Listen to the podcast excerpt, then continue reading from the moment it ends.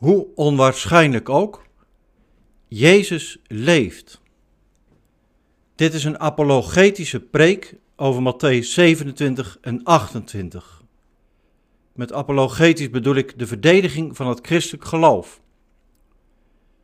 Ik laat me in deze preek bij deze tekst inspireren door een boek van de apologeet, een emeritus hoogleraar godsdienstfilosofie, Richard Swinburne. Hij heeft een boek geschreven, The Resurrection of God Incarnate, 2003, reprinted 2010. Niet alles kan natuurlijk aan de orde komen. Als je meer wil lezen, ook over de visie van Swinburne, dan verwijs ik je naar mijn blog. Ik geef daar aan waar de belangrijkste dingen te vinden zijn. Ik lees eerst de tekst en dan volgt de preek. Voor de tekst gaan we even een stapje terug voorafgaand aan Pasen, als Jezus net is gestorven. Dan staat er toen de avond was gevallen, arriveerde er een rijke man die uit Arimathea afkomstig was. Hij heette Jozef. en was ook een leerling van Jezus geworden. Hij meldde zich bij Pilatus en vroeg hem om het lichaam van Jezus. Hierop gaf Jezus bevel hem af te staan. Jozef nam het lichaam mee, wikkelde het in zuiver linnen en legde het in een nieuwe rotsgraf dat hij voor zichzelf had laten uithouwen. Toen rolde hij een grote steen voor de ingang van het graf en vertrok. Maria uit Magdala en de andere Maria bleven achter. Ze waren tegenover het graf gaan zitten.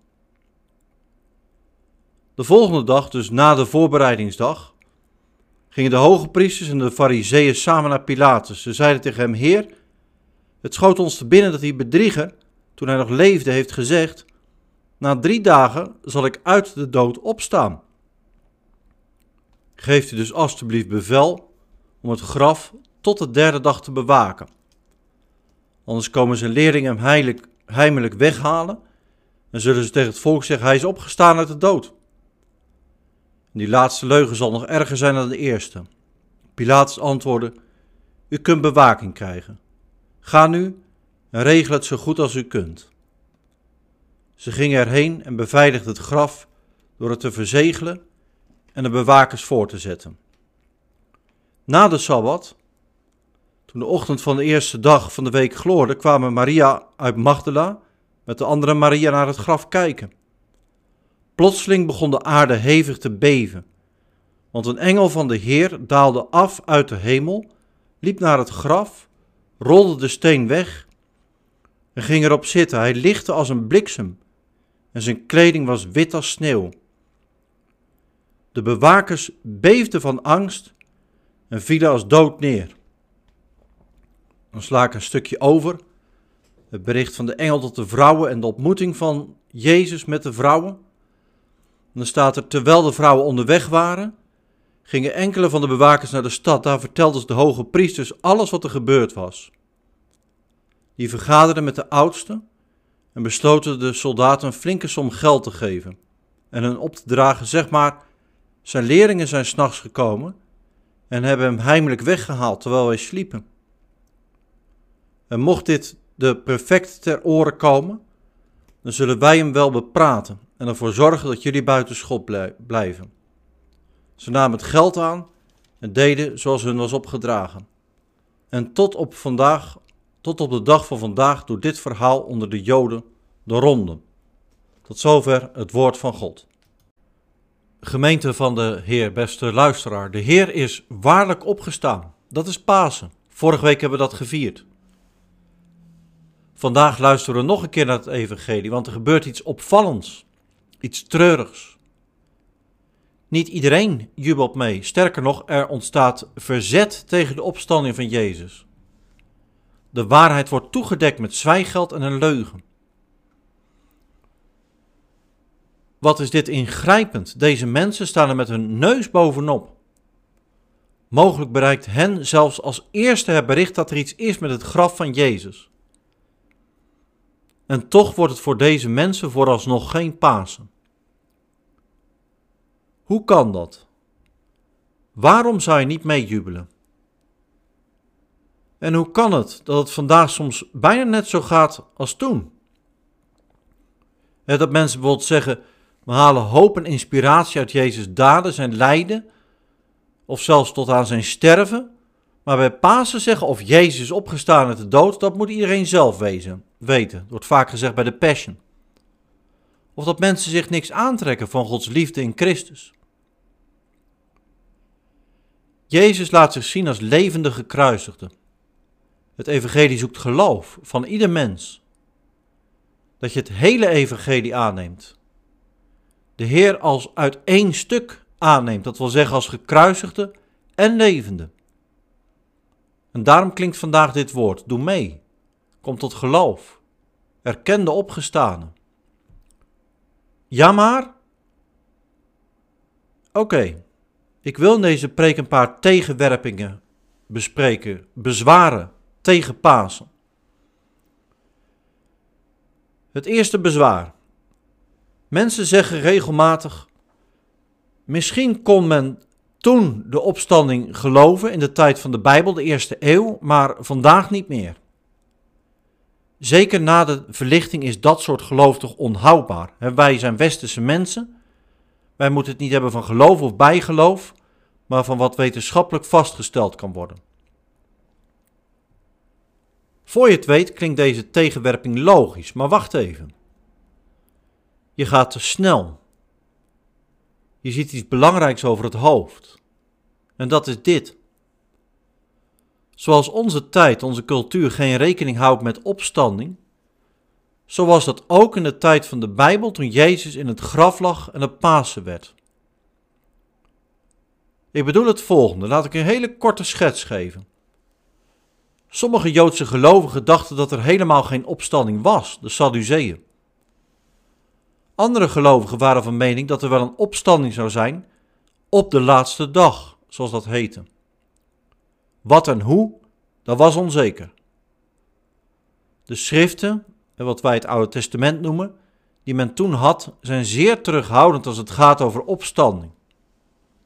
Joodse gelovigen dienen God in dit leven, volgens de aanwijzingen van de Torah. En als je kijkt naar de toen heersende opinie, de Grieks-Romeinse cultuur, daarvoor gold dat lichamelijke opstanding ongewenst was. Je leefde wel voort, maar niet in een opstandingslichaam. Dit is even heel kort hoe de wereld, of noem het het wereldbeeld, was toen Jezus leefde, stierf en werd begraven. Zie je, de opmerking toen kon men dat wel geloven, die gaat niet op. Dat blijkt ook wel uit het verslag van alle vier de evangelisten van Paas. Er is schrik bij de volgelingen. Soms zelfs alleen maar blinde paniek. Het slot van Marcus. Wees niet bang, is wat het eerste wat de engel zegt tegen de vrouw. En Jezus zegt precies hetzelfde als eerste op Pasen. Dat is blijkbaar hard nodig bij dit onvoorstelbare nieuws. Nog een stapje terug.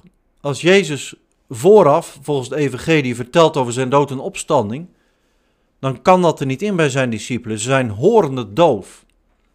En er is één verhaal op Pasen, de Emmausgangers, Lucas 24, dat de discipelen, de leerlingen, zelfs ziende blind zijn. Ze herkennen Jezus niet op Pasen.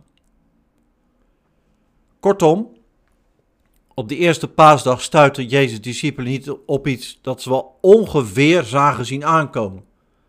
Of nou, min of meer al geloofden, maar ze waren toch wel een klein beetje verrast. Nee, ze stuiten op iets onvoorstelbaars. Dat ze overdonderd zijn, is heel zwak gezegd. Ze gaan geloven als ze echt niet meer anders kunnen, als Jezus zich telkens laat zien, als ze hem vastpakken. Ze gaan geloven, kun je zeggen, ondanks zichzelf. Luister ook eens naar de vroeg-christelijke overlevering. Daar staat niet dat men gelooft in de opstanding of zo. Nee, in de vroegste, in de oudste christelijke documenten zegt Paulus wij geloven dat Jezus is gestorven en opgestaan. 1 Thessalonicense 4, geschreven ongeveer 49, 50 na Christus.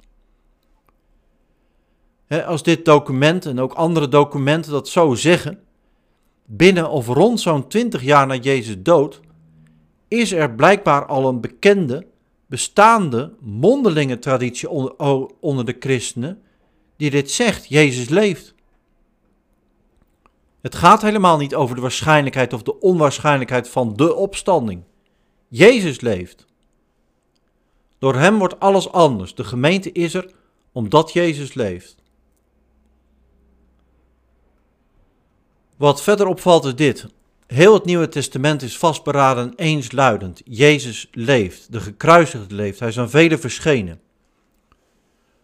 Wel eens aan meer dan 500 gelovigen tegelijk, van wie de meeste nog steeds leven. Dat zegt Paulus. Dat durft hij op te schrijven, al heel vroeg, 54 na Christus. 1 Corinthians 15. Jezus heeft na zijn opstanding met zijn discipelen gegeten en gedronken. Diverse brieven beginnen met Jezus' opstanding, Romeinen 1 Petrus. En als Johannes oud is geworden, hoort hij op Patmos Jezus dit zeggen. Ik ben degene die leeft. Ik was dood, maar ik leef. Nu en voor altijd. Het Nieuwe Testament is er omdat Jezus leeft. Nog even een andere blikrichting. Het patroon dat je ziet op Pasen, niet kunnen geloven in de opgestane totdat je hem ziet, herhaalt zich verderop. Ik denk dan even aan Paulus, die eerst Saulus heet.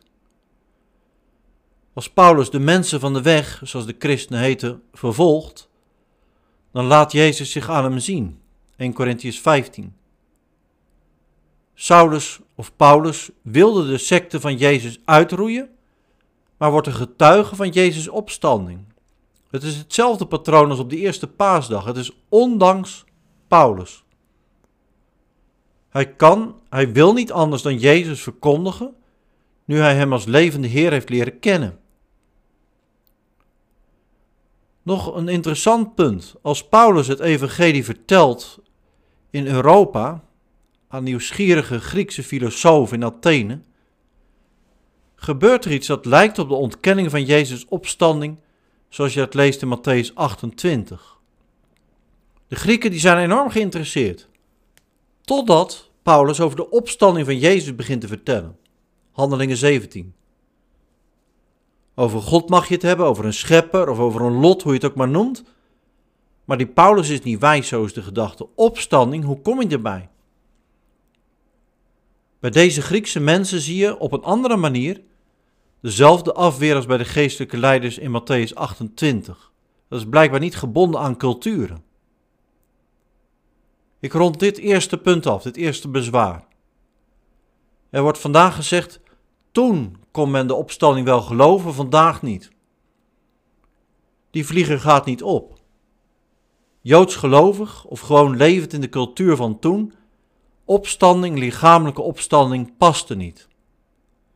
Het Evangelie zegt consequent dat Jezus' volgelingen ondanks zichzelf in de opgestane gaan geloven, omdat hij zich laat zien. Nu een tweede tegenwerping en die is fundamenteler.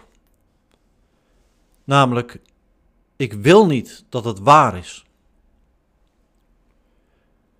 Dit bezwaar, deze tegenwerping vinden we ook in Matthäus 28. Het bijzondere is dat de gedachte aan Jezus de geestelijke leiders niet loslaat. Ze regelen een grafwacht. Sommigen zijn van mening dat de evangelisten dat hebben verzonnen, dat er een grafwacht kwam. Maar, zo zegt de apologeet Swinburne, vanuit politiek opzicht, vanuit Pilatus gedacht, valt er best wat voor te zeggen. om op die manier mogelijke onrust te voorkomen. Je wil geen gedoe, geen politieke maatschappelijke onrust. En als die grafwacht in paniek raakt, zij ook al, en in Jeruzalem aankomen, bedenken de leiders een leugen en ze betalen zwijggeld. Waarom doen ze dat? Tja, dat staat er niet bij. Wat denk jij? Nou ja, ga maar eens even na. Wat zou hun alternatief zijn?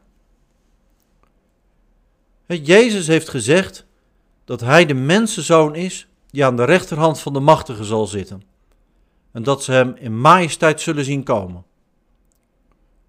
De geestelijke leiders hebben Jezus laten kruisigen op grond van die uitspraak. En het was het sluitstuk van een lange, oplopende spanning en confrontatie tussen Jezus en de geestelijke leiders. Het zal, het moet afgelopen zijn met die Jezus. De grafwacht was de definitieve bezegeling van Jezus' lot, zijn losers lot. De leiders zeggen dat ze bang zijn dat Jezus volgelingen zijn lichaam zouden stelen en vervolgens zouden zeggen dat hij leeft. Ja, is dat echt waar? Zijn ze daar bang voor? Dat valt te betwijfelen. Want Jezus' leerlingen hebben nooit zo'n indruk gemaakt. Jezus zelf wel. Ook hedendaagse historici gaan ervan uit dat Jezus opzienbarende wonderen en andere inspirerende dingen, dat die hem bekend en populair hebben gemaakt. Met andere woorden, wat zou de Jezusbeweging voorstellen zonder, ja, zonder levende Jezus? Trouwens, stel nou dat ze dat lichaam hadden gestolen. Zou niet een van de discipelen vroeg of laat zijn gaan praten? Waar laat je zo'n lichaam? Zou het niet een keer ontdekt worden? En zei Jacobus, die Jezus ook heeft gezien, 1 Corinthians 15, zou Jacobus niet protesteren als ze met het lichaam van zijn broer, op zich die hij niet altijd zo waardeerde, maar toch zijn broer zouden zijn gaan lopen sjouwen? En nogmaals, de evangelieën zijn er consistent in dat de volgelingen van Jezus helemaal niet bezig waren met hoop of met verder gaan met Jezus. Jezus verwijt hen hardheid van hart. Nee, er is iets anders aan de hand. De geestelijke leiders zijn, ondanks zichzelf, ondanks hun ongeloof, meer bezig met Jezus dan ze durven toe te geven. Zeer opvallend is dit. Zij zijn de enigen die bezig zijn met Jezus' opstanding. De Jezus leerlingen lopen rond zonder hoop, zonder gedachte aan Jezus' opstanding, zonder herinnering aan de profetie daarvan, maar zo niet de geestelijke leiders. Bij Jezus dood en begrafenis herinneren de geestelijke leiders zich dat hij had gezegd dat hij zou opstaan en willen daarom actie ondernemen, grafwacht. Geen ellende meer met die Jezus. De gedachte aan Jezus houdt hen vast. Of misschien kun je zeggen, geloof wel dat het zo is, Jezus blijft hen in zijn ban houden. Eerst die grafwacht, dan die wachters. Er is wat gebeurd, iets ingrijpends bij Jezus' graf. En dan? Ja, dan moffelen ze het weg zoals je bewijs voor een rechtszaak verduistert om maar niet veroordeeld te worden. Ze willen er niet aan. Dat is het punt. Ze willen niet toegeven. Natuurlijk buigen zij voor God. En willen ze het, net als die Griekse filosofen, best over God hebben. En ze hebben alle eerbied voor eeuwenoude tradities. En voor de tempel al helemaal. En voor de Sabbat. Maar Jezus? Nee. Niet die Jezus van dat achterlijke Nazareth. Niet die Jezus die omgaat met tollenaars, zondaars en gehandicapten. Die Jezus die Jan en alle man tot zijn leerlingen maakt. Die vriendelijk omgaat met vrouwen, alsof die net zo belangrijk zouden zijn als mannen die Jezus die werkt op Sabbat. Die zwakke, niks voorstellende kinderen tot zich roept en zegent. Die niet van het bespottelijke kruis afkomt, maar daaraan sterft voor hem buigen? Never nooit niet. Matthäus 28 laat zien hoe diep zonde zit en wat zonde is. Het is rebellie, opstand, verzet tegen God en zijn optreden in Jezus. Het Evangelie zegt dat God zich door de geest in Jezus geeft en laat zien. Dat blijkt uit heel Jezus optreden. Het blijkt op Golgotha. Zo geneest God. Zo vergeeft God. Maar deze mensen willen er niet aan. Ze hebben zichzelf, hun leven, hun godsdienst als een BV. Kom niet aan mij. Is dat vandaag anders? Ja, natuurlijk, onze cultuur is heel anders dan de cultuur van toen. Is zo. Iedereen geloofde toen in God of in goden. En dat is in onze cultuur anders. Maar het belangrijkste is niet veranderd. In ons hart kan zomaar hetzelfde verzet opkomen. Hetzelfde verzet dat je ziet bij Jezus dood en opstanden, bij Jezus leven. Bij Matthäus 27 en 28 moest ik denken aan wat ik las van een bekende hedendaagse atheïst, Thomas Nagel. Je kunt een heleboel argumenten hebben om te geloven of om atheïst te zijn, maar op een duur houdt het op met argumenten. Er komt op iets anders aan. Op hoe je in het leven wilt staan. Atheïst Nagel zegt dit. Ik vertaal het gelijk even in het Nederlands. Als je de vindplaats wil hebben, kijk op mijn blog. Nagel zegt: Ik wil dat atheïsme waar is. En ik voel me er, er heel ongemakkelijk bij dat sommige van de meest intelligente en goed geïnformeerde mensen die ik ken religieuze gelovigen zijn.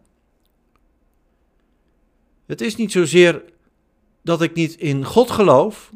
En natuurlijk, ik hoop dat ik gelijk ben, gelijk heb in mijn geloof. Het is vooral dat ik hoop dat er geen God is. Ik wil niet dat er een God is. Ik wil niet dat het universum zo in elkaar zit. Wat Nagel zegt, dat is Matthäus 27 en 28 in hedendaagse taal. Ik wil dat atheïsme waar is. Ik wil niet dat er een God is. Toen zei men: laat Jezus alsjeblieft in dat graf blijven. Vandaag klinkt het zo: laat het niet waar zijn dat God bestaat. Gelijk is dit dat mensen zeggen: laat mij met rust. Laat mij mijn religie, mijn wereldbeschouwing houden. Laat mij leven zoals ik dat wil. Ik rond dit tweede punt af, dit tweede bezwaar. Ik wil niet. En dat doe ik door terug te komen op de uitspraak dat men vroeger wel in de opstanding kon geloven, maar vandaag niet meer. Dat hebben we eerder behandeld.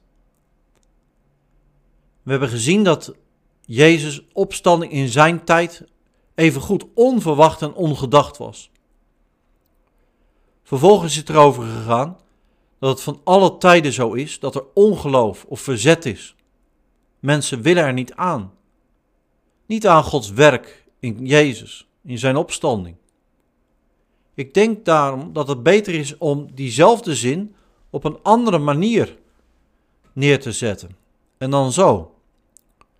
In alle tijden is Jezus' opstanding onverwacht en ongehoord nieuws. Daar kan en wil een mens niet zomaar aan. Jezus kan en wil je wel helpen om in Hem te geloven. Tot slot, luisteraar gemeente, dan nog dit. Jezus is opgestaan, Hij leeft. Voor ieder nieuws geldt dat getuigen belangrijk zijn. Voor nieuws dat je in de krant leest of op tv ziet. Wie heeft het gezien? Is het waar? De getuigen die er toen bij waren op die opstandingsdag, die kunnen we niet meer spreken. Maar de getuigenverslagen, die zijn er wel. De evangelie, de brieven, het Nieuwe Testament. Voor de oudheid, de klassieke oudheid, is de hoeveelheid van deze getuigenverslagen bijzonder te noemen. Christenen zijn zeer goed gedocumenteerd. Dan heb ik een vraag aan jou. Vind jij de evangelie, de nieuwtestamentische brieven, betrouwbaar? Komen ze echt op je over? Eensluidend als ze zijn over Jezus' opstanding? Kijk, het is waar. Pascal heeft eens gezegd: het hart heeft zijn redenen. Maar het sluit natuurlijk niet uit dat je er van tijd tot tijd nog eens naar kunt kijken en over het evangelie na kunt denken.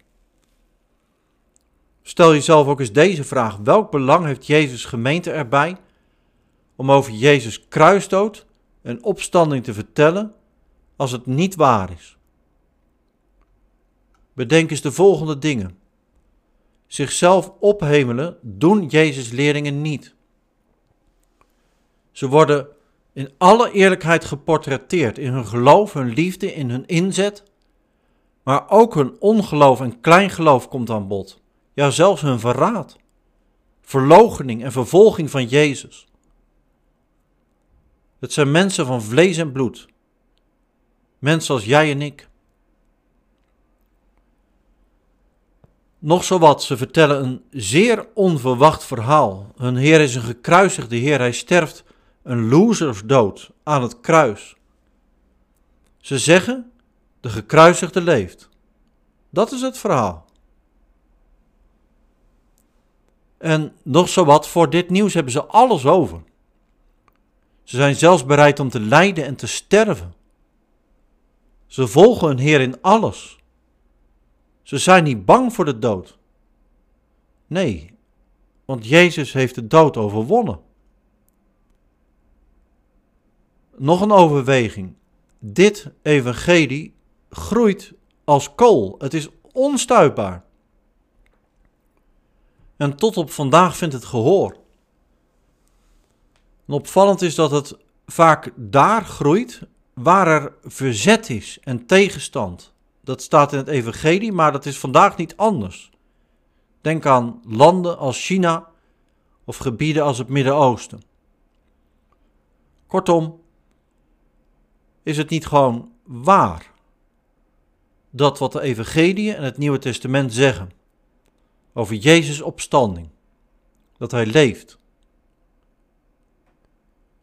Ik rond af. Ik weet niet of je wel eens detectives kijkt op tv op Netflix, dan moet er net als op Pasen eigenlijk een zaak opgelost worden. Hoe zit het nou? Bewijzen gewogen? Moet een hypothese worden opgesteld, zus of zo? Je moet zaken uitsluiten. De waarheid moet op tafel.